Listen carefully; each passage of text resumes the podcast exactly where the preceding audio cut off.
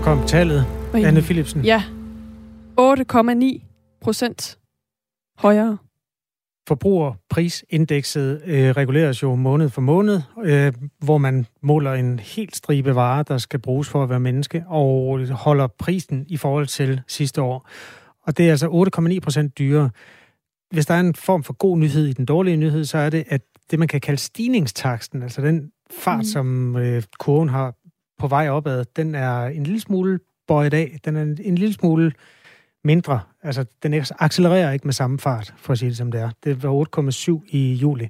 Ja, så, så knap så voldsom en stigning set i det lys, men dog jo stadig et øh, billede på, at øh, alting bliver dyrere i øjeblikket. Klokken er 6 minutter over 8. Radio 4 morgen laver nyheder til dig. Søren Pape ville til de konservatives landsråd i weekenden ikke svare på nogen som helst spørgsmål om sit privatliv, der jo har været øh, under lup i forbindelse med nogle historier, der viste sig ikke at passe. Man kunne på TV2 se ham være lidt presset, da han mødte pressen. Ja, men jeg kommer ikke til at gå mere ind i det. Jeg tror, at folk, der har fulgt med det, kan se, at, øh, at det, har ikke, det har ikke været så, så kønt. Men altså, nu har jeg sagt det, og jeg er ærgerlig over det, jeg beklager det. Og så vil hele mit, øh, så vil hele mit øh, fokus nu være på at øh, føre politik, fordi det er trods alt det, som jeg er her for.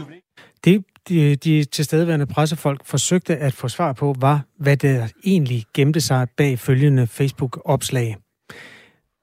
Citat. Min mand har sagt ting, som er forkert, mens andet er baseret på misforståelser. Det er oplysninger, som jeg også har viderebragt, men i god tro siger Søren Pape Poulsen. Derefter tilføjede han, at han ikke øh, skulle være mødtes med den dominikanske regeringstop, uden at have informeret Udenrigsministeriet. En lidt anden historie, som relaterer til hans tid som minister, hvor det andet altså har med hans partner at gøre. Søren øh, Pape skriver, at han fortryder møderne der. Alt det her, det er jo en øh, sådan samlet en, en form for storm, som vi skal analysere sammen med Benny Damsgaard, der er politisk kommentator, og tidligere har været kommunikationschef hos de konservative, altså leder af pressetjenesten. Godmorgen. Tak for det. Du mener, at Søren Pape bliver nødt til at sige mere om de her sager. Hvorfor det?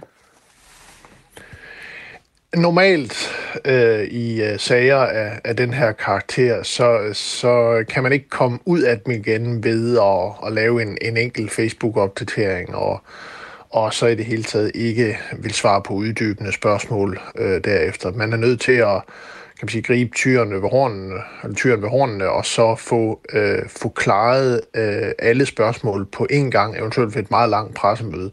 Som for eksempel øh, Lars Løkke Rasmussen øh, gjorde, da han øh, skulle ud af, af 3GI-sagen for, for år tilbage. Der holdt han jo et fire timer langt pressemøde, hvor han svarede på alle spørgsmål, som, som pressen havde, og fik øh, ja, spurgt pressen tom, om man må sige. Lars Løkke Rasmussen havde nogle øh, vanskeligheder med nogle bilag på det tidspunkt der tilbage ja, blandt, i... Blandt ja, meget andet. Blandt, blandt meget, meget andet, ja. ja. Benny Damsgaard har i tre år været hos de konservative og er nu øh, selvstændig øh, politisk øh, analytiker og, og kommentator. Og, og ja, hvis du havde været kommunikationschef hos de konservative i dag, hvad ville du så have rådet Søren Pape til? Ja, altså for det første er det jo altid øh, meget nemt at sidde for, øh, udefra og, og give gode råd. Der er jo utrolig mange forhold inde i sådan nogle sager, som, som, øh, som kun dem, som sidder inde i kernen, øh, kender til.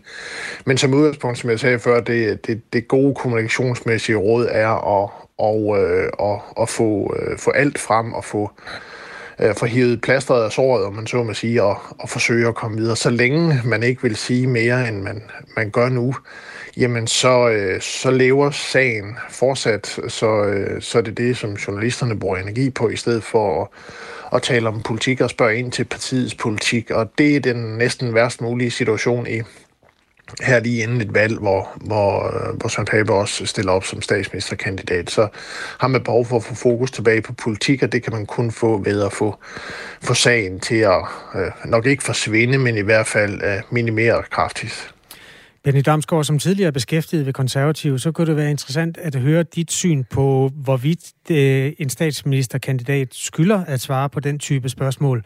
Det er der også nogle af vores lyttere, der er optaget af. For eksempel Lars fra Solrød Strand, der skriver, øh, journalister prøver slet ikke at se lidt kritisk, Nå, øh, prøver ah, den er lidt rodet, men det han siger, at vi skal kigge lidt kritisk på de blodtørstige journalister, eller er, det, er alle journalister bare nogen, der går efter manden? Det skriver Lars som en kommentar, og det kan jeg omsætte til det spørgsmål. Altså, er det her blodtørst, eller er det fair nok? Altså, øh, sagen har jo udviklet sig på den måde, at til at starte med var det jo sådan en, en lidt spøjs øh, ting med, øh, med øh, Sørens øh, mands øh, Øh, familiære relationer til den tidligere præsident i den Dominikanske Republik, som han angiveligt var onkel med, eller har i hvert fald sagt, at han var onkel med, og så viste det sig så, at det var han ikke. Det kan sige, det er en sag, der sådan, øh, hører hjemme sådan i, i den sådan lidt mere kuriøse afdeling, og det var stort set også kun Ekstrabladet, der havde noget med den at gøre. Den, det, det kan man sådan slappe relativt meget af med. Øh, det, det går sin gang. Så kan man sige, så kom der sagen op, eller igen kom der sagen op omkring de her møder udenom om øh, diplomatiet, altså hvor man, øh, hvor Søren øh, Pape og øh, Inger Støjberg og Maja Mercado tilbage i 2018 har holdt møder med minister i den Dominikanske Republik i forbindelse med en privat ferie over. Det havde man gået uden at orientere Udenrigsministeriet. Og det er et klart brud på protokollen og hvordan den måde, man normalt gør sådan noget på, og en, og en klar fejl. Og den sag har, har udviklet sig og vokset så større her nu. Den har været fremme tidligere, men nu har den vokset så større. Og så kan man sige, så den sidste krølle på halen, i hvert fald indtil videre, har været, at, at det så er kommet frem af Søren Papes mand, øh, som har som har hævdet, at han var jøde, og som, øh, som også Pape har brugt i sin argumentation, at han var øh, jøde øh, i forbindelse med politiske diskussioner, så viste det sig så, at han var sy- syvende dags adventist, altså kristen sy- syvende dags adventist. Og øh, kan man sige, øh, kigger du på sagerne separat, og i særdeleshed den første omkring onkel eller ikke onkel, så er det sådan, ja, så er det sådan, som det er. Men, men når du lægger sagerne oven i hinanden, så er det, så er det ikke, kan man sige, kalkunjagt fra journalisternes side, så er det en, en legitim øh, undersøgelse og, og, og øh, øh kan man sige, og, og en, en legitim måde at, øh, at kigge nærmere i detaljerne på en mand, som vil være, være statsminister. Har han det, der skal til for at træffe de vanskelige beslutninger, øh, som der nogle gange ligger i at, at lede landet, og, øh, og, og er han i stand til at skille øh, skidt fra kanel, når, når det kommer til stykket, også når tingene kommer helt tæt på. Det er relevante journalistiske spørgsmål, så, så nej, man er ikke gået for langt. Det, der er Søren Papes situation lige nu, øh, Benny Damsgaard, det er jo også, at han måske står med en, en partner, der har fortalt ham usandheder, altså at der er rod i parforholdet. Og hvis man skal præstere sådan på arbejdet, så kan det godt være, øh, være vanskeligt at tænke klart, hvis man har rod øh, på bagsmækken. Hvordan vurderer du den situation, han står i lige nu? Altså, han, han er en presset mand øh, på, på mange fronter det er aldrig godt at have sådan nogle øh, sager, uanset om du er i toppolitik eller i, i, i erhvervslivet, og, og når du så er, øh, og du så har den ekstra kolorit på af medierne, øh, du har mediernes opmærksomhed, og ikke næsten kan bevæge dig uden for, et, øh, uden for en dør, uden at, at der står en journalist, der vil stille dig kritiske spørgsmål, så er det et ekstremt pres. Og, men det er også et, et pres, som følger med at være toppolitiker, og i særdeleshed følger med, hvis du vil være øh, landets statsminister, så kan du Altså, så er det, det rum, hvor du er privat, det er meget mindre, end det er øh, ved, øh, ved, ved, ved almindelige mennesker. Der er bare mange forhold, der spiller med, øh, som, som gør, at du, du er nødt til at, at, ja, at tage det med i betragtning. Men, men det er, der er ingen tvivl om, at han er presset. En af vores lyttere hedder Tommy, og han skrev tidligere på morgenen, at han var forholdsvis træt af danske journalister, for han synes slet ikke, han fik noget at vide om Søren Papes politik. Han fik kun at øh, ting at vide om hans ligegyldige privatliv. Øh, hvad skylder det, hvis man ikke synes, man ved nok om Søren Pape og konservativs politik? Jeg vil sige, at den, den pågældende lytter bør nok øh, øh, måske holde sig lidt mindre, eller lidt mere for Facebook og, og åbne en avis i nyerne af, fordi at, at der har været virkelig meget diskussion øh, og fokus på, på det konservative øh, politik, og især, især den nye økonomiske plan, som, som partiet har fremlagt. Det var også hovedtemaet i forbindelse med, med den statsministerkandidat-debat, der var i, i sidste weekend, hvor hvor statsministeren stillede spørgsmålstegn ved, ved centrale elementer i, øh, i, i planen. Så der har været rig fokus på, på det konservative folkepartis øh, politik, i hvert fald i det, man sådan kan, kilde, kan kalde de, de traditionelle medier. Det har I også gjort her på Radio 4 i forbindelse med, med, øh, med jeres journalistiske dækning. Så, men altså, øh, der er heller ingen tvivl om, at det er, det er nok lidt mere sjovt og interessant at høre om, om øh, toppolitikers privatliv, end at, end at læse om deres måske lidt tørre økonomiske øh, politik. Så, så det kan være, at den, den sidste del af det, den økonomiske politik, er gået hen over hovedet på ham, for der har i hvert fald været masser af dækning af det sjovt eller sørgeligt, men i hvert fald øh, nemmere at forstå måske en øh, diskussion om, hvorvidt det er 40 eller 33.000. Måske det rette ord. Ja. ja. øhm, hvor skadeligt vurderer du, at de her sager er for Søren Papes ambitioner øh, og muligheder for at blive statsminister? Altså, hvis de fortsætter ret meget længere, øh, så begynder det for alvor at blive et problem. Nu... Øh, nu har det jo her for alvor kørt en, en god uges tid, og vi har ikke set resultatet øh, af det øh, i målingerne, om det i det hele taget er slået igennem i, i, i målingerne. Øh, hvis det begynder at, at, øh, at slå igennem i målingerne og give en nedadgående tendens, så, øh, så er, er problemet betydeligt. Men, men man skal også tænke på, at der, der er trods alt øh, et stykke tid til, til valget, i hvert fald sådan relativt set. Det bliver sandsynligvis øh, udskrevet omkring 1. oktober, og så, så der er valgkamp en, en, øh, en måneds tid derefter. Så, så, så i slutningen af oktober, hvor valget skal finde sted, kan tingene handle om noget helt andet, og det vil de gøre. Altså, det, det ændrer sig jo meget hurtigt i toppolitik, så det er et problem, og det skygger, men det er heller ikke noget, der endnu øh, er, er noget, som i sig selv kan, kan, kan, kan sætte en stopper for, for Søren Papes statsministerambitioner. Tak for analysen, Benny Damsgaard. Velbekomme. Politisk kommentator og tidligere kommunikationschef hos de konservative, som jo altså er i orkan, orkanens øje. Øhm, ved den seneste meningsmåling foretaget af Voxmeter for en uge siden, der stod de konservative til at få 16,2 procent af stemmerne, og dermed blive det største parti i Blå Blok. Øhm, man skal huske, at valget i 2019 gav små 10 procent til konservative, så det har jo altså partiet har reddet på en bølge af uafbrudt fremgang. Øhm, vi glæder os til at se de næste meningsmålinger, der kan komme nogen allerede i dag. Vi skal nok holde dig orienteret. Klokken er 17 minutter over 8. Det her er Radio 4 morgen, og tak til jer, der har skrevet ind på nummer 1424. Det er vi glade for. Det kommer ikke til at blive den samme jul i år. Jeg kan lige så godt sige det. Nej, det bliver vel en anden jul. Det bliver en anden, og øhm, det bliver en sparejul. I hvert fald øh, på julelysfronten. Nå ja. Det er energikrisen. Ja. Den sætter altså et, en kæppe hjulet på øh, mange ting. Blandt andet på øh, julebelysningen flere steder har øh, forskellige instanser, der ligesom er kendt for en hulens masse lys meldt ud. Det kommer vi til at skrue ned for, præcis. Øh, hvad hedder de, handelsstandsforeninger? Og... Lige præcis. Der hvor vi normalt, når vi går ud og handler vores julegaver, kan se øh, lidt ekstra belysning. Odense Zoo, de går lige nu og øh, virkelig overvejer, om de skal tænde for de 400.000 julelys, som de plejer at have tændt. Det er TV2 Fyn, der har talt med dem.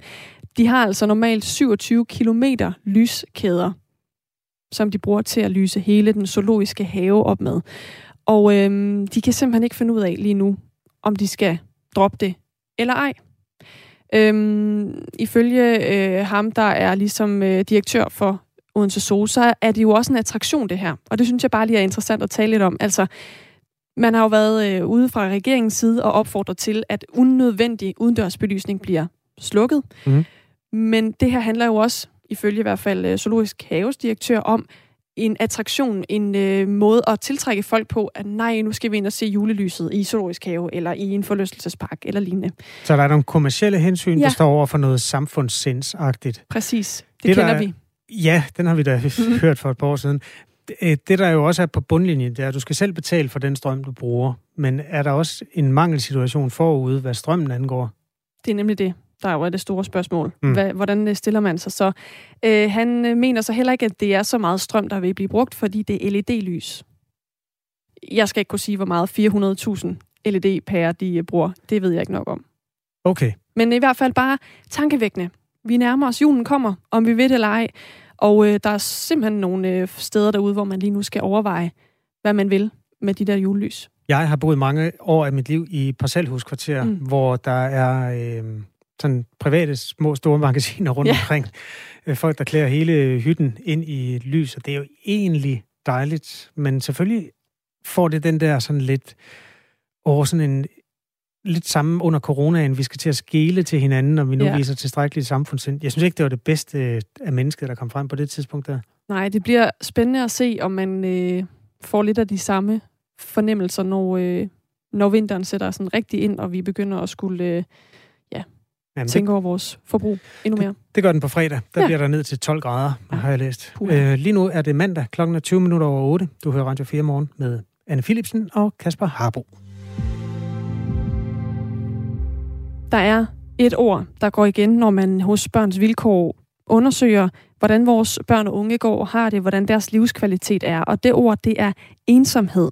Det kan man øh, se ud fra blandt andet en undersøgelse, som Børns Vilkår har lavet blandt øh, børn mellem 4, 4 hedder det, og 8. klasse. Og øh, vi har også her på radioen talt med flere børn og unge, der fortæller, at de har følt sig mere ensomme under og efter coronanedlukningerne. Blandt andet så er det øh, Clara Jacobsen på 14 år, øh, som er en af dem, der har oplevet det her på egen krop, og som har talt med øh, vores reporter Gustav Pors. Det er ikke særlig rart. Man ender lidt med at bare ligge i sengen, kan falde i søvn, fordi man tænker på så meget, som man så har siddet i løbet af dagen alene og tænkt over. Er det noget, du øh, har gjort noget ved? Nej. Det, der bliver bare på en eller anden måde, så bliver der bare en anden stemning over, så det er lidt svært bare at komme tilbage til det, der var. Um, når man føler, at andre folk de byggeren trække sig længere væk fra en. Er det noget, du oplevede under corona, altså sådan på grund af corona, eller var det andre ting, der gjorde det? Mm, nej, det er mere sådan nu. Øhm, men under corona, der var der også meget sådan... Der var ikke rigtig, der var ikke nogen, man kunne tale til. Man sad alene op på sit værelse med døren lukket. Øhm, kom kun ned, når der var mad. Hvilke følelser fik du, da du sad i de der situationer? Det, det, var, rim, det var rimelig træls, og jeg blev rigtig, rigtig ensom. Så lyder det altså fra Clara Jacobsen på 14 år. Eva Fogh Nord er digital pædagog og ekspert i børn og unges brug af sociale medier. Godmorgen. Godmorgen. Hvorfor ser vi den her tendens nu? Som øh, hun selv var lidt inde på, men ikke helt selv vil sige, så er vi jo efter øh, to år, hvor folk har været lukket inde. Og to år i et ungdomsliv, det er meget lang tid. Den her lille pige har jo for eksempel været omkring 11 år gammel, da verden lukkede ned. Det har påvirket rigtig mange unge menneskers måde at have venskaber på, og hvordan de skal forholde sig til andre. For alle de der sociale aktiviteter, som vi andre har været vant til, de simpelthen øh, de ikke eksisteret. Så nu ser vi jo selvfølgelig en eller anden form for lashback af det, der har været. For det, hvordan kommer du ud hvis du har brugt to år af dit barneliv, ungdomsliv på at lukke dig selv inde, hvordan bliver du så åben igen? Hvad øh, er det for nogle øh, konsekvenser, det har for de her unge, der lige nu fortæller om, at de faktisk går og føler sig ensomme? Det gør jo, at de får et meget forringet øh, mentalt liv, lad os sige det sådan, og de får også et værre øh, hvad, socialt liv. Når man går rundt og føler sig alene. En ting er, når man er teenager, så føler man sig anderledes. Man føler sig alene. Man føler øh, periodisk, så er man den eneste, der har det på en bestemt måde det ligger simpelthen i udviklingen. Men det her det er vildere, og det her det er værre. Øhm, så, så vi har en masse unge mennesker, som skal have hjælp til at komme ud af de her forskellige måder, og, og, og lige pludselig være lukket inde på. Mentalt lukket inde. Øhm, og det kan betyde, at de får sværere ved at begå sig, når de bliver ældre, for eksempel i sociale sammenhæng. Den her ensomhed under blandt andet corona har også fået en række Facebook-grupper til at blomstre op. Det er sådan nogle grupper, hvor man kan melde sig ind, og så kan man skrive derinde. Jeg kunne godt tænke mig at få øh, nogle flere øh, venner, nogle flere bekendtskaber på øh, blandt andet det sociale medie Snapchat, som er sådan et medie, hvor man sender billeder til hinanden og også kan skrive sammen. Så på den måde kan man sige en strømning, hvor de unge udvider deres vennegruppe virtuelt. Vi skal lige høre fra Søren Møller Klemmensen, som øh, står bag en af de her grupper. Inderst så har det jo nok været der under coronaen, hvor vi har haft den der ensomhed, alle sammen i den der lockdown, hvor vi ikke rigtig har været gået og sådan se nogle venner og noget af familien. Så har vi bare sad derhjemme, kigget, og så har vi nok haft brug for at øh, finde nogle, øh, nogle nye venner, som jeg så kan snakke med digitalt. Og øh, ja, så har jeg skabt den her gruppe nok. Det er nok en del af det, som der har skabt den. Det er sådan en ensomhed der. Eva Fognor, du er jo digital pædagog og også ekspert i børn og unges brug af sociale medier. Hvad øh, tænker du om den her strømning, vi øh, ser, hvor der netop er flere unge, der bruger sociale medier til at efterspørge øh, kontakt til andre? Det er, lad os sige, en naturlig udvikling i forhold til, hvordan sociale medier har udviklet sig, plus igen det faktum, at de var cirka den eneste måde, man kunne være rigtig i kontakt med nogen under pandemien. Øhm, så at de nu laver nogle proaktive grupper, hvor de kan gå ind og søge efter andre at tale med, det er et rigtig positivt tegn. Det betyder, at de gerne vil ud. De vil gerne have kontakt med andre. De ønsker ikke at sidde derhjemme og være lukket inde. Og, og det er igen et sundhedstegn. Det, som voksen så skal forstå, det er, at nej, det er ikke det samme som at gå ud på gaden og være sammen med vennerne og spille bold, men det er en meget vigtig del af de unges sociale liv i forvejen, det digitale. Så øh, mange af de her venskaber, det kan være, at de virker sådan lidt overfladiske, men de er rigtig vigtige i forhold til at give de her unge mennesker nogle værktøjer til netop at blive sociale og udvikle sig selv og fortælle dem de ting, der rører sig. Hvordan det, altså, hvad er det, de kan bruge de her øh, bekendtskaber på sociale medier til? Der er den fordel, øh, såvel som ulempe ved, at når man ikke ser nogen i øjnene, så har man nogle gange nemmere ved at sige de ting, der kommer først. Øh, vi ser det jo desværre, når det er trolls, folk, der siger grimme ting, men det samme gælder også følelser og ting, der ligger en på sinde. Det er nemmere nogle gange at skrive noget til nogen. Det gør de unge i forvejen i forhold til gruppesnapchats og ting og sager, hvor man nemt kan skrive til sine venner, prøv at høre, jeg har en lortedag, og så når man kommer i skole, jamen så ved de det allerede, og så kan de gøre noget ved det, og man behøver ikke forklare det. Her der har man så muligheden for at gå ind og få nogle venskaber med nogen, der kan være med til at bakke op om ens interesser, ens stemninger, og i det hele taget bare det, at det er skide hårdt at være ung menneske i 2022. Øhm, så øh, det er en positiv udvikling. Er det her noget, der findes forskning på, eller, eller hvad er det, du baserer det på, når du kan fortælle, at det her det faktisk er noget, som gavner de unge på en anden måde, godt nok, men stadig gavner de unge, når de får venner på sociale medier på den her måde? Ja, der er mange øh, undersøgelser, der viser, at unge mennesker får øh, hvad hedder det, venner online, og faktisk anser deres venner online for at være ægte venner. Øhm, derudover så har jeg selvfølgelig rigtig meget erfaring med børn og unge. Øhm, de har det med at fortælle mig de ting, som de ikke altid fortæller andre. Og netop det her med at have de her venskaber, det er meget vigtigt for dem. Øhm, børns øh, liv digitalt, fysisk hænger nu meget sammen det er også den måde, at verden jo har udviklet sig på i forhold til, hvordan sociale medier nogle gange er. Det er også derfor, at nogle gange er et stort generationskløft, fordi det er svært for os af ældre dato at forstå det her øh, kontinuerlige spil. Øhm, men generelt handler det jo netop bare om, at børn og unge ser ikke de grænser på samme måde, og får dem gennem både øh, sociale medier, nu Facebook-grupper, gaming osv.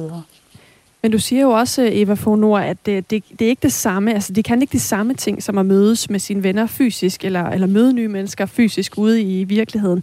Så er der ikke også en øh, fare ved, hvis det her det bliver måden, man løser ensomheden på hos de unge, at man får øh, nogle venner på sociale medier med, men dermed stadigvæk ikke rigtig får nogle venner og bekendte, man kan mødes med ude i, i det virkelige liv? Først og fremmest vil jeg gerne påtage, det hedder ikke det virkelige liv, det hedder det fysiske. Det er en af de ting, God der, der var med til at skabe det her skæld imellem børn og unge og voksne. Øhm, jo, selvfølgelig, hvis det eneste, man gør, er at sidde bag en skærm og kigge og ikke har et fysisk fællesskab med nogen, så kommer man til at lide som menneske voldsomt. Vi er fysiske væsener. Vi har behov for kontakten, øjenkontakten, vi har behov for alle de ting, der følger med. Man skal bare huske, at for rigtig mange af de her unge mennesker, der er det heldigvis en forlængelse af at have fysiske venskaber.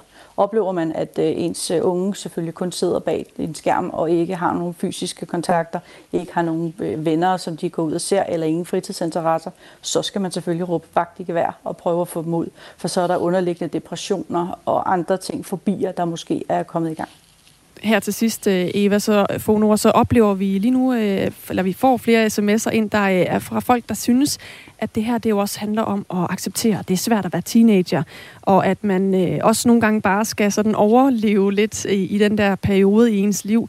Øhm, så når, når man oplever det her med, at der er flere børn og unge, der i tale sætter en ensomhed, kan det så ikke virkelig også have noget at gøre med, at de bare er i en alder, hvor mange af os jo har oplevet, at meget ændrer sig, man ændrer sin egen personlighed? Jo, det nævnte jeg også lidt tidligere. Det handler jo netop om, at vi er i en situation, hvor som ung menneske, der er du i konstant konflikt med dig selv, fordi du ved ikke, hvem du er. Det her det har dog dybere konsekvenser. Jeg snakker også med SSP-medarbejdere, som fortæller omkring, hvordan at der er flere problemer med børn og unge, der kommer til at rode sig ud i ting, fordi de simpelthen ikke har den samme støtte, det samme fritidsliv, alle de ting, der har haft øh, ja, været før corona. Så det er ikke kun fordi, de er unge mennesker lige nu. Der er en direkte sammenligning øh, mellem, at de har været låst inde, og at der nu sker det her. Men det skal nok gå over. Børn og unge er meget dygtige til at komme sig. Så lød det fra Eva Fogh Nord, altså digital pædagog og ekspert i børn og unges brug af sociale medier. Efter nyhederne skal vi beskæftige os med det svenske valg, hvor alle venter på resultatet. Måske kommer det først på onsdag, men vi går i dybden med det forløbige om fire minutter. Klokken er halv ni.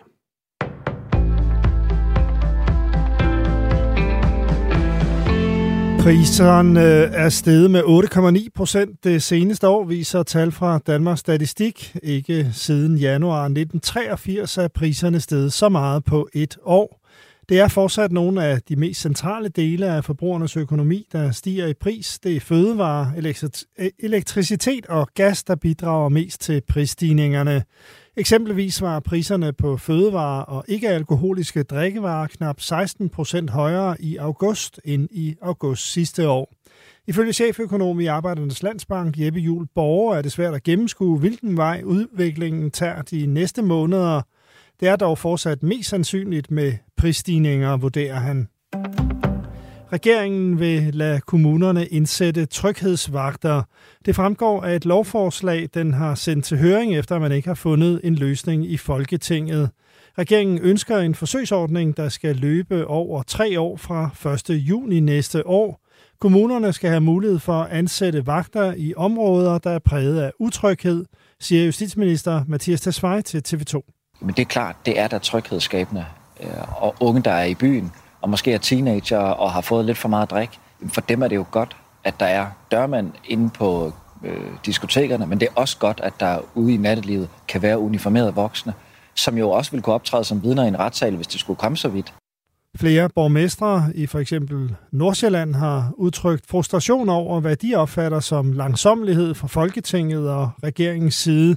Flere kommuner oplever problemer med indbrud og med støjende unge, der holder fester på gaden og i parker. Det var derfor et ønske om at indsætte private vagtværn eller tryghedsvagter, der kunne supplere politiets arbejde.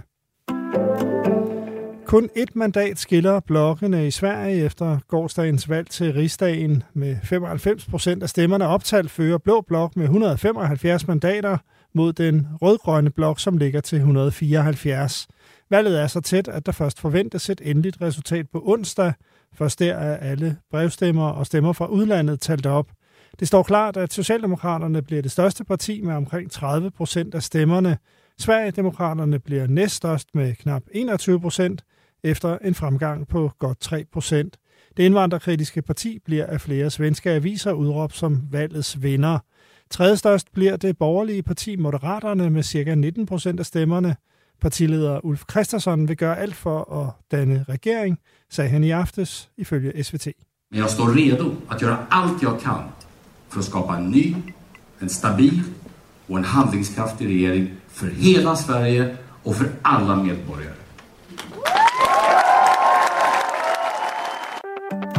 Hver fjerde rejsende tager toget over Storebælt. DSB oplever i de her måneder fremgang i antallet af passagerer, og det er især, når det kommer til trafikken over Storebælt og salget af udlandsrejser, at fremgangen er størst.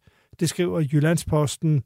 DSB har alene over de seneste fem måneder haft over 25 procent af samtlige rejsende over Storebælt. Det gælder både dem, der tager fra øst mod vest og omvendt. Fremgangen er så markant, at markedsandelen formentlig aldrig har været højere. Det er blandt andet de høje priser på brændstof, brændstof som får flere til at tage toget, siger direktør i DSB Flemming Jensen til avisen. Det bliver skyet, men mod øst er der mulighed for lidt sol, 16-20 grader og svag til let skiftende vind fra syd. I aften og i nat bliver det overskyet med udbredt regn fra vest.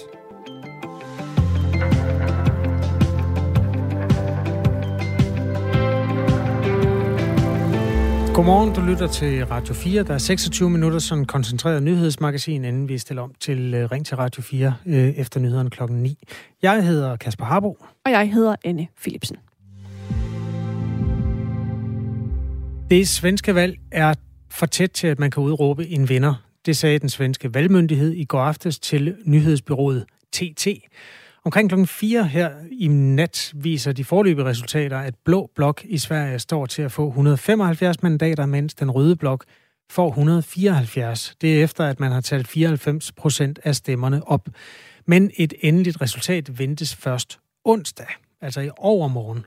Vi har talt med Mads Lundgaard, der er politiker for det borgerlige og indvandringskritiske parti Sverigedemokraterne, der i hvert fald er valget store venner med mere end hver femte stemme. Han sagde sådan her. Når målingerne har vist inden for valg herop, at, at den ene side vinder, og de har jo vist, at det skulle venstre side regeringen gøre, så plejer de faktisk at vinde. Så, så, men jeg er faktisk overrasket over, at det har vendt sig, så det eventuelt kan blive en borgerlig regering, hvor vi selvfølgelig med vores valgresultat vil få en enorm indflydelse over, hvilken retning den regering øh, tager, hvad det gælder med nogle vigtige spørgsmål. Så lød det altså i den yderste del af Blå Blok. Nu skal vi høre fra en, der befinder sig modsat rent politisk, nemlig Elvira Skagerlind, der er studerende 26 år gammel og bor i Stockholm, og som har stemt på Venstrefløjspartiet Venstrepartiet.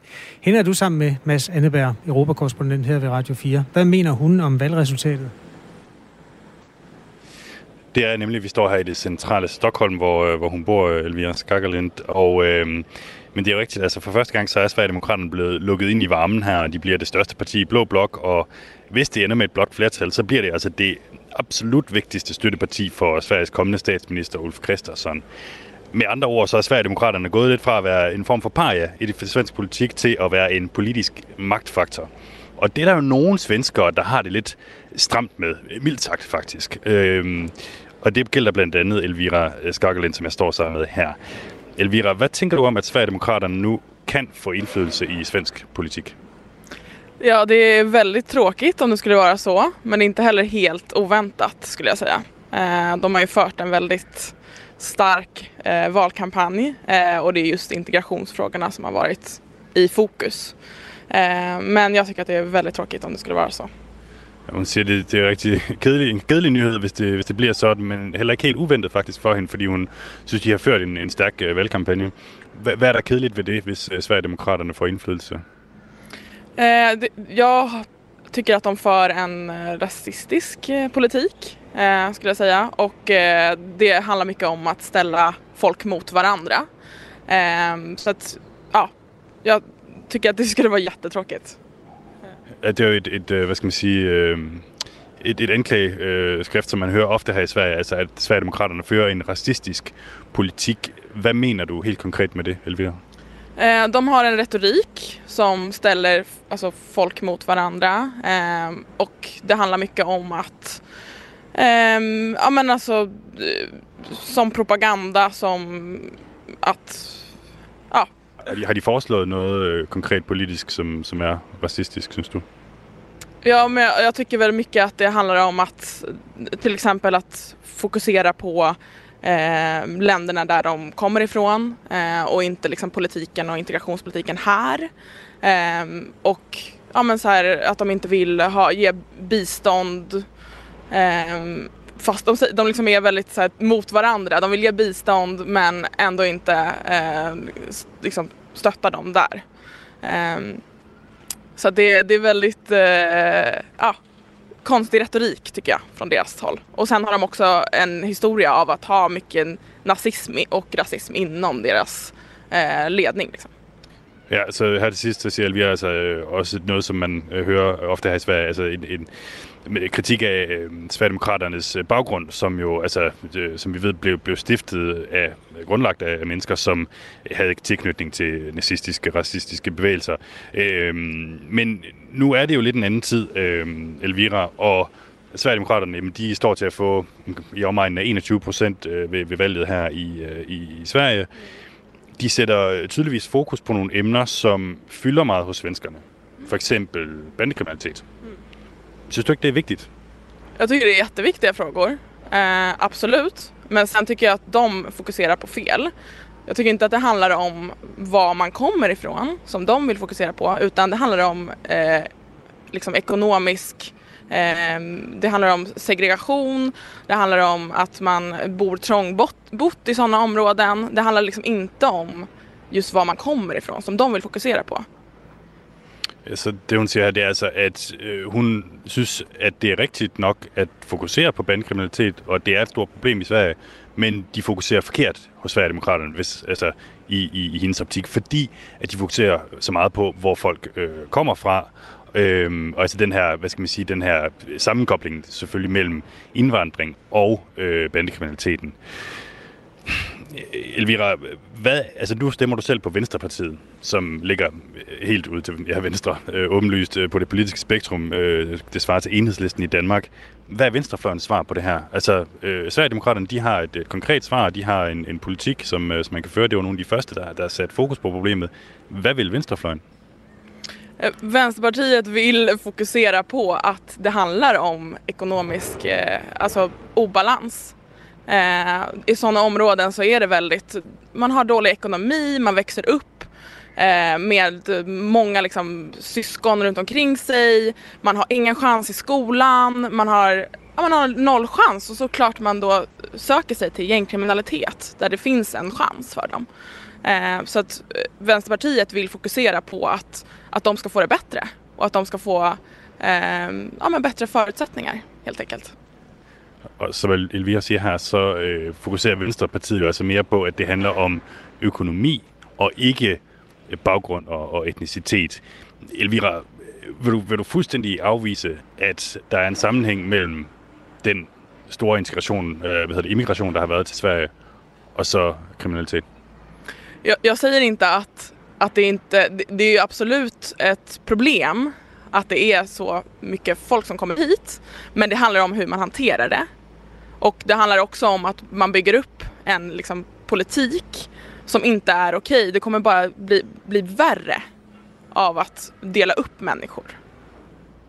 Ja, så det, det handler om, hvordan det svenske samfund griber integrationen an, og det er der, at, øh, at, at det simpelthen har, har fejlet, mener Elvira her. Øhm, jeg kunne godt lige tænke mig at stille dig et, et sidste spørgsmål. Øhm, du er helt tydeligvis øh, hvad skal man sige, modstander af, at Sverigedemokraterne kommer til magten. Men hvad er det egentlig, du frygter kommer til at ske, hvis du kigger hen over de næste fire år med et, øh, lad os bare sige hypotetisk set, et, et blot flertal, hvor Sverigedemokraterne har rigtig meget politisk indflydelse? Eh, att de kommer få med eh, många förslag som kommer vara väldigt oroväckande för Sverige och att det kommer, liksom, vi kommer gå tillbaka med många av våra demokratiska värderingar. Eh, och det, det tycker jag är väldigt oroväckande. Eh, det är ändå liksom eh, det röda blocket och vänster och, och Socialdemokraterna som har drivit igenom många av våra fina värderingar, socialdemokratiska värderingar. Och eh, jag fruktar väldigt mycket vad som kommer hända med dem. Ja, jeg frygter simpelthen, at, øh, ja, at, at de får deres politik igennem, Sverigedemokraterne, og at det øh, går ud over de demokratiske værdier her i Sverige, lyder det altså fra Elvira Skakkerlind øh, her i det centrale Stockholm. Vores reporter, Mads Anneberg, eller Europakorrespondent, er altså i Stockholm og skal nok følge det svenske valg til dørs. Det valg, som man troede var overstået med valghandlingen i går, ser ud til i første omgang at øh, strække sig til onsdag, hvor man har varslet, at stemmerne vil være endeligt talt op. Derefter kommer der selvfølgelig øh, forhandlinger om regeringssamarbejde i den vindende blok, som lige nu ser ud til at være blå med det mindst mulige flertal, mindst mulige margen, altså 175 mod 174, viser de forløbige resultater øh, af optællingen af stemmerne i det svenske rigsdagsvalg. Klokken er 8.43 i Danmark. Og inflationen fortsætter med at brage i vejret, altså tallet for, hvor meget priserne generelt stiger i samfundet. I august der steg inflationen med 8,9 procent i forhold til samme tidspunkt sidste år. Og det er noget, der gør ondt på øh, kontoen, når man også i forvejen jo i øjeblikket slås med øh, høje energipriser, og hvad har vi? Godmorgen, Mathias Stollerup Sprøgel. Seniorøkonom i Sydbank. Er du med os her, Mathias? Det lyder meget, som om han er på vej op ad nogle trapper. Kan du høre, hvad jeg siger, Mathias Dollerup Sprøgel? Ja, det kan jeg sagtens. Nu jeg kan jeg, jeg høre dig. Perfekt. Ja, jeg var jo ja, øh, ved at introducere de her øh, stigende priser, vi ser i øjeblikket. Jeg har faktisk også fundet sådan en oversigt, hvor man kan se, hvordan priserne har udviklet sig siden august sidste år. Og det starter jo ved 1,8 procents stigning, så kommer det til 3 procent i oktober sidste år, så kommer det til 5 procent i marts i år, og nu er vi altså oppe på de her næsten 9 procent, 8,9 procent øh, i år. Hvad, øh, altså stopper det aldrig med de her prisstigninger? Det korte svar er jo nok, at øh, desværre så tror jeg faktisk, vi skal se, at øh, inflationen skal lidt længere op. Jeg, jeg vil ikke helt afvise, at vi faktisk er over et, øh, over et inflationsstigningstakt, altså lidt over 10 procent. Øhm, og det er fordi, at nogle af de her øh, stigende gaspriser, som man hører om i medierne, de her stigende øh, elregninger, jamen de er faktisk ikke helt nået ud til forbrugerne nu. Øhm, og, og det kunne godt betyde, at vi, at vi skal lidt længere op, øh, inden at det, at det måske forhåbentlig snart vender den anden vej rundt igen. Hvad er det for nogle ting, der gør, at vi ser, at inflationen fortsætter med at stige? jeg synes jo faktisk, at den der graf, du prøver at beskrive, den, den fortæller det egentlig meget godt, at, at det lige så kommer det med sådan et, et, et stort svung op. Ikke? Og, og, og det er fordi, at, at virksomheden i første omgang jamen, ser nogle af de her energipriser, de begynder at stige rigtig, rigtig kraftigt. Og i første omgang, så, så, så, så har de faktisk skånet lidt forbrugerne øh, og, og taget en stor del af regningen. Men den regning begynder bare at vokse så stor, at lige pludselig så begynder alle virksomheder simpelthen at, at hæve deres, deres priser, fordi at det bliver meget øh, dyrere at, at producere på baggrund af de meget høje energipriser. Og det er derfor, vi ser, at det bare kommer med sådan et stort øh, rekyl øh, øh, på én gang. Og det er jo altså øh, i august måned, at priserne var 8,9 procent højere i år, end de var i august sidste år. Og det er øh, ikke siden januar 1983, at man har set, at priserne er steget så meget over et år. Så det er jo i et eller andet omfang historisk, det her. Men hvis vi sådan skal omsætte det til kroner og øre, hvor ondt gør sådan en øh, inflation så konkret på vores pengepunkt? Jamen, det, det gør rigtig, rigtig, rigtig ondt. Altså, Øh, Øhm, vores beregninger de, de viser sådan, at øh, sådan en gennemsnit dansk børnefamilie, jamen, de skal finde næsten 40.000 kroner ekstra i husholdningsbudgettet for at købe de samme varer, som vi skulle for, for et år siden. Så, så hvis vi skal, have, hvis vi skal have det samme antal liter mælk hver uge, og vi skal fylde benzinen op et par gange i løbet af måneden, jamen, alle de her ting, de, de, de løber op, og så får vi også en kæmpe stor elregning. Jamen, alt det sammen, jamen, det betyder sådan, en kroner er cirka 40.000 kroner øh, ekstra, skal vi finde i husholdningsbudgettet. Og en ting er jo, hvordan vi så øh, kan mærke det hver især, men det her er jo også noget, der spiller ind på sådan, hvad kan man sige, øh, Danmarks overordnede økonomi, og i virkeligheden også på den europæiske økonomi. Altså, hvad er det for nogle konsekvenser, inflationen har på de her sådan lidt større linjer? Jamen, det, det er virkelig en, øh, en akilleshæl, det her for, for, for økonomien. Det er et, øh, et kæmpe benspænd. Øh, vi kan allerede se, som vi sagde i Danmark, at, øh, at forbrugerne de, de spænder livremmen ind. Øh, Øh, vores private forbrug er, er faldet tre kvartaler i træk, og, og det mønster tror jeg egentlig, at vi også vil se i, i de næste øh, par måneder og kvartaler, at vi lige spænder livremmen en, en ekstra tand ind. Og, og det er simpelthen fordi, at øh, jamen, de her 40.000 kroner, jamen, dem, dem kan vi jo ikke bare sådan lige trylle op af, af, af, ud af det ingenting. Og øh, selvfølgelig får vi lidt højere lønstigninger øh, sådan generelt på det private arbejdsmarked, men, men det kan slet ikke kompensere det. Og, og derfor får det en, en, en stor betydning, og det er noget, der kan gøre, at økonomien den kommer til at decideret glide i bakgear, altså en, en eller anden form for økonomisk recession. Mathias Dollerup Sprøgel er altså seniorøkonom i Sydbank. Vi analyserer de tal, der kom her klokken 8, altså de øh, inflationstal, der opgøres måned for måned. Og øh, de er tæt, denne månedstal, eller det er så sidste månedstal, er altså 8,9 procent. Det er stigningen i forbrugerprisindekset. Hvis man zoomer ind på toppen af den kurve, eller den graf, som det jo er, så bøjer den en lille smule af, Mathias. Altså, den stiger ikke så hastigt, som den har gjort. Er der en lille bitte god nyhed gemt i det? Ja, det, altså, jeg tror nok mange har observeret, at øh, de sidste to måneder, der er benzinpriserne og dieselpriserne jo faldet øh, ganske betydeligt, fordi at øh, vi kan se på de finansielle marked, at, at, at olieprisen er, er kravlet øh, rigtig meget ned fra, fra øh, den, den top, hvor vi lå langt over 100 dollars per tønde for en liter olie. Jamen, nu er vi nede omkring noget, der ligner 90 øh, øh, dollars per tønde olie. Og det betyder selvfølgelig, at det bliver billigere at, at tanke bilen. Øh, vi kan også se i, i august måned, at, at de, de sidste par måneders øhm, øh, vanvittige stigninger på fødevareprisen, jamen, de er faktisk stort set uændret fødevarepriserne her i august. Øh, så der er måske nogle, nogle tegn på, at, at nogle af de her ting, vi kan se ud på de finansielle markeder, der går lidt før hvad vi forbruger, vi oplever, jamen de også begynder nu at, at betyde, at, at, at, at presset på inflationen er ikke helt så højt, som det var for et, for en par måneder siden. Vi vil jo gerne hjælpe alle sammen for at få de her øh, tal til at, at rette sig. Det, man får at vide, det er, at der skal ikke pumpes så mange penge ud i samfundet, øh, fordi så, så holder man ligesom gang i det her. Er det så ikke sundt, at folk bruger færre penge? Det er i hvert fald en del af, af, kurven, af kurven øh, mod, mod inflationen, jamen det er, at vi, at vi får bragt efterspørgselen ned. Øhm, lige nu er der bare en generel ubalance, øh, særligt på, på energimarkedet, hvor vi har øh, simpelthen en stor frygt for, at vi ikke har nok energi til, til den kommende fyringssæson. Øhm, og det presser jo sådan noget som, som øh, trap, øh, øh træ op i kraftige priser til, til, til brændeovn, traphælder osv.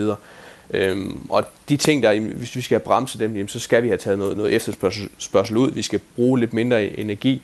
Øhm, vi skal også have de store centralbanker i både Europa og USA til at, at hæve renten, til også at prøve på at, at gøre det lidt dyrere at låne penge, så vi også får bragt vores forbrug lidt længere ned. Øhm, så, så, så de ting, vi begynder at se fra blandt andet centralbanken med, med, med renteforholdelser, øhm, det er en del af, det, af den kur, vi skal gøre mod, mod inflationen. Vi skal have bragt efterspørgselen øh, ned i vores samfund. Tak fordi du var øh, med her, Mathias Stollerup Sprøgel, altså øh, seniorøkonom i Sydbank, på de her øh, dugfriske tal her til morgen, der viser, at inflationen fortsætter med at stige. Overskud på Radio 4 med Sofie Østergaard hjælper dig med at få mest muligt ud af dine penge. Så er det her tidspunkt måske også lige præcis her, hvor vi så lige skal gå igennem vores forsikringer, vores lån. Kom i gang med at investere i aktier eller få gode råd til, hvordan du lægger dine lån om. Altså prøv lige at gøre det, og så prøv lige at se, hvor mange penge man rent faktisk skal spare. Find Overskud som podcast i vores app og lyt med tirsdag kl. 13. Radio 4 taler med Danmark. Udtalelser fra statsledere, der siden invasionen af Ukraine har styrtet øh, Ruslands præsident Putin, så tvivl ved, om den støtte fortsætter. I begyndelsen af september indledte Ukraine jo en modoffensiv, der har slået russerne tilbage i den vigtige region omkring Kharkiv. Nu har blandt andet Hvideruslands præsident Alexander Lukashenko udtalt, at det er på tide at genoprette det gode naboskab til Ukraine. Russiske medier er også begyndt at øh, rapportere om de mange tab, som Rusland i disse dage lider i Ukraine. Jakob Korsbo, tidligere chefanalytiker i Forsvarets efterretningstjeneste og nu senioranalytiker i Tænketanken Europa, er støtten til Putin ved at slå en lille smule revner? Ja, der, der er ved at danne sig nogle, øh, nogle små revner i, i den beton, øh, som han ellers har været øh, omgivet af, øh, synes jeg, man kan se. Og øh, altså det, der nok er mest tydeligt, det er jo nok, øh, hvad kan man sige, ude på den nationalistiske øh, fløj. Nogle af de her militære blok, og, og, og faktisk også nogle af de mere øh, øh, grovkornede meningsdannere på, på russisk statstv, der, der er ude og, og, og, hvad kan man sige, ligesom lægge lidt mere luft til regimet og tale om de her militære fejltagelser og, det, og den slags. Og det, det er bestemt ikke noget, vi har set tidligere. Kadyrov, der er leder af øh, Tjetjenien, altså udpeget af det russiske styre, øh, et land, hvor der nærmest aldrig har været andet end krig. Han øh, påpeger jo, at han har fulgt med i den her krig, og han øh, har noteret sig de der nederlag. Han vil tage en tur ind til centralmagten og fortælle dem, at øh, den er gal, og hvad man nu skal gøre. Øh, er der nogen som helst tilløb til, at folk vil af med Putin? Altså, det, det synes jeg stadigvæk, det er for, for tidligt at, at snakke om, men, men vi ved jo sådan historisk, at sådan noget kan gå øh, meget hurtigt. Øh, og, og hvornår det lige præcis vil, øh, vil rejse sig, det, øh, det er svært at sige, øh, fordi øh, altså det eneste vi ved er, at Putin har jo været dygtig til at udrense og, og, og, og centrere hele øh, magtapparatet omkring, øh, omkring sig. Øh, Øh, så, så, så lige præcis, hvordan de her ryster, de vil blive styret nu, øh, det, det, det er faktisk svært at se. Men, øh, men jeg synes, en ting, vi dog kan sige øh, med sikkerhed, det er, at øh, de nederlag, vi har set øh, siden øh, medio sidste uge, og, og navnlig hen over weekenden, altså det er jo ikke, det er jo ikke enden på de militære nederlag, som Rusland vil stå over for i, øh, i Ukraine der kommer flere, der kommer også flere i de kommende uger nede ved Kærson, blandt andet, som vi har snakket om i godt en måned nu. Og, øh, og, og det, det, det gør jo, at de her dynamikker vil blive forstærket endnu mere. Så, så ja, det, jeg, jeg, jeg tror, han, øh, han sover lidt mere roligt om natten, end han har gjort i mange år. Ukraine har på halvanden uge erobret 2.000 kvadratkilometer af sit eget land tilbage. Det svarer til cirka to tredjedele af Fyn, altså et meget stort område på halvanden uge. En ukrainsk officer oplyste øh, lørdag til den amerikanske tv-station CNN, at ukrainske styrker er trængt ind i den strategiske vigtige by Izium, som jo altså også er øh, på ukrainske hænder nu. Rusland bekræfter ifølge øh, nyhedsbyrået TASS, altså statens eget nyhedsbyrå, at det har omgrupperet sig og, og bruger sådan forskellige omskrivninger af, at man er, har været på flugt fra nogle af de her regioner. Hvordan læser du de signaler, at man fra russisk side siger, ja, vi flytter os, men det er med vilje, Jakob Korsbo? Nå, jamen, det er jo det sædvanlige spil for galleriet, øh, egentlig. Altså, de bliver slået tilbage, og, og de har ingen... Øh, de har ingen tilbagetrækningsplan, så det foregår over hals og hoved. Vi ser øh, nogle af de mest moderne kampvogne, som Rusland overhovedet har, bliver efterladt på, på kamppladsen. Og jeg bliver nødt til at sige faktisk, de tal, du gav der, det er faktisk nogle gamle tal. Altså, Rusland Kom endelig med har det tabt nyeste. mere ja, de har tabt en øh, landmasse større end Sjælland okay. øh, siden i torsdags.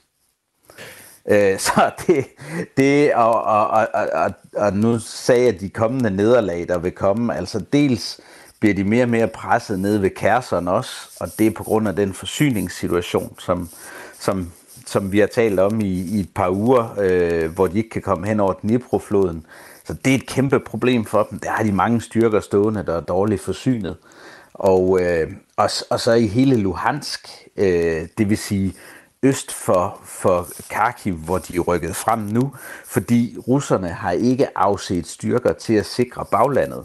Så det vil sige, vi vil sandsynligvis her i dag og i morgen se øh, øh, ukrainerne rulle ind igennem Luhansk, og, øh, og, og så begynder det at blive kritisk, fordi så kan de an, øh, angribe Donetsk øh, nordfra.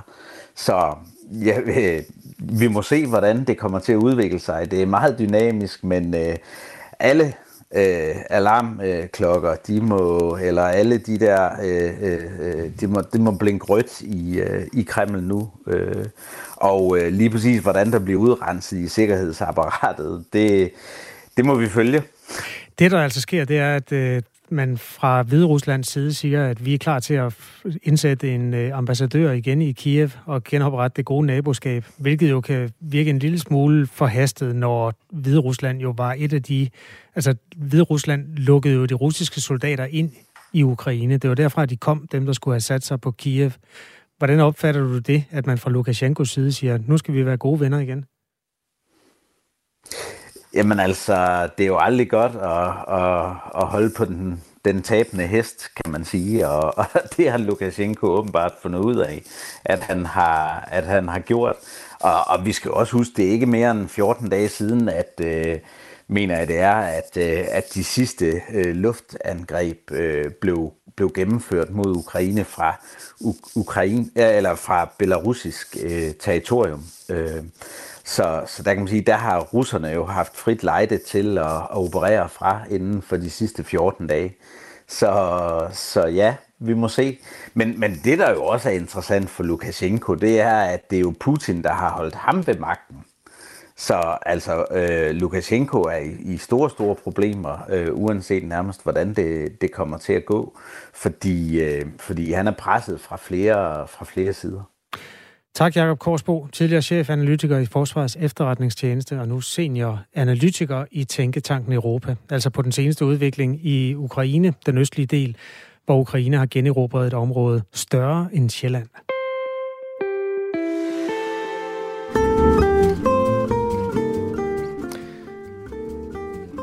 Øh, manden hedder Jon Larsen. Dejligt. Ja, han spiller jazzmusik. Øh, ved du, hvad han bruger pengene til? Nej. Han laver astronomi. Nå. Han øh, tager simpelthen rundt på hustage, og så prøver om han kan finde nogle mikrometeoroider. På hustage? Ja, det er gode steder at lede efter dem, fordi huse har ikke stået der så længe som for eksempel indlandsisen. Det vil sige, hvis øh, der ligger en mikrometeorit op på taget af brusen i Ørbæk, så, øh, så er den jo landet inden for de sidste 10 år, no. fordi de har fået nyt tag. Hvordan ser sådan en ud? Den ligner en meteorit, den er bare meget lille. Hvordan ser en meteorit, ja, der, må, der må jeg lige logge dig ind på min yndlingshjemmeside, videnskab.dk. Uh. Jeg ved ikke, om du kan nå dem. Den er sort, og den er forvredet, og det er jo altså noget, der har startet med... Jeg skruer en lille smule ned. Ja, det kan du. Øhm, der har startet med at være meget, øh, har meget stort, har fuld fart på ind igennem atmosfæren, og er så brændt næsten op. Men oh. der er en lille bitte øh, hård øh, forbrændt klump tilbage. Ja. Dem samler han op, og øh, sidste nyt er, ifølge videnskab.dk, at han har samlet 5-6 stykker op på taget af brusen i Ørbæk.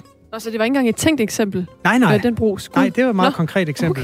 Okay. Øhm, du spørger nok, ja, der er tusind ting, vi kunne ja, fortælle om den historie, op. men klokken er ni om lidt. Hvorfor øh, var han lige præcis på Superbrusen i Ørbæk? Ja. Ja, han var øh, som til bryllup i nærheden, og så så han, at der var en stige, der førte op til taget af brusen i Ørbæk. Han kravler meget rundt på tage. Ja, Den er- er ren Carlson på taget. Ja, de er mikroskopiske, de der. Det er jo virkelig et Ja, billedarbejde. jeg vil også sige, nu ser jeg et billede, man skal da lige vide, hvad man kigger efter. For lige at, lige at spotte det. Imponerende. Endnu en øh, god grund til at læse videnskab.dk. Det er bare mange. det, jeg vil sige. Ja. Klokken er 15 sekunder i. Ved, hvad handler radio, ring til Radio 4 om? Det handler om, om man skal øh, forbyde reklamer for kød i det offentlige rum. Det er der nemlig en hollandsk by, der har gjort. Det kan man høre mere om efter nyhederne med Henrik Møring. Nu er klokken 9.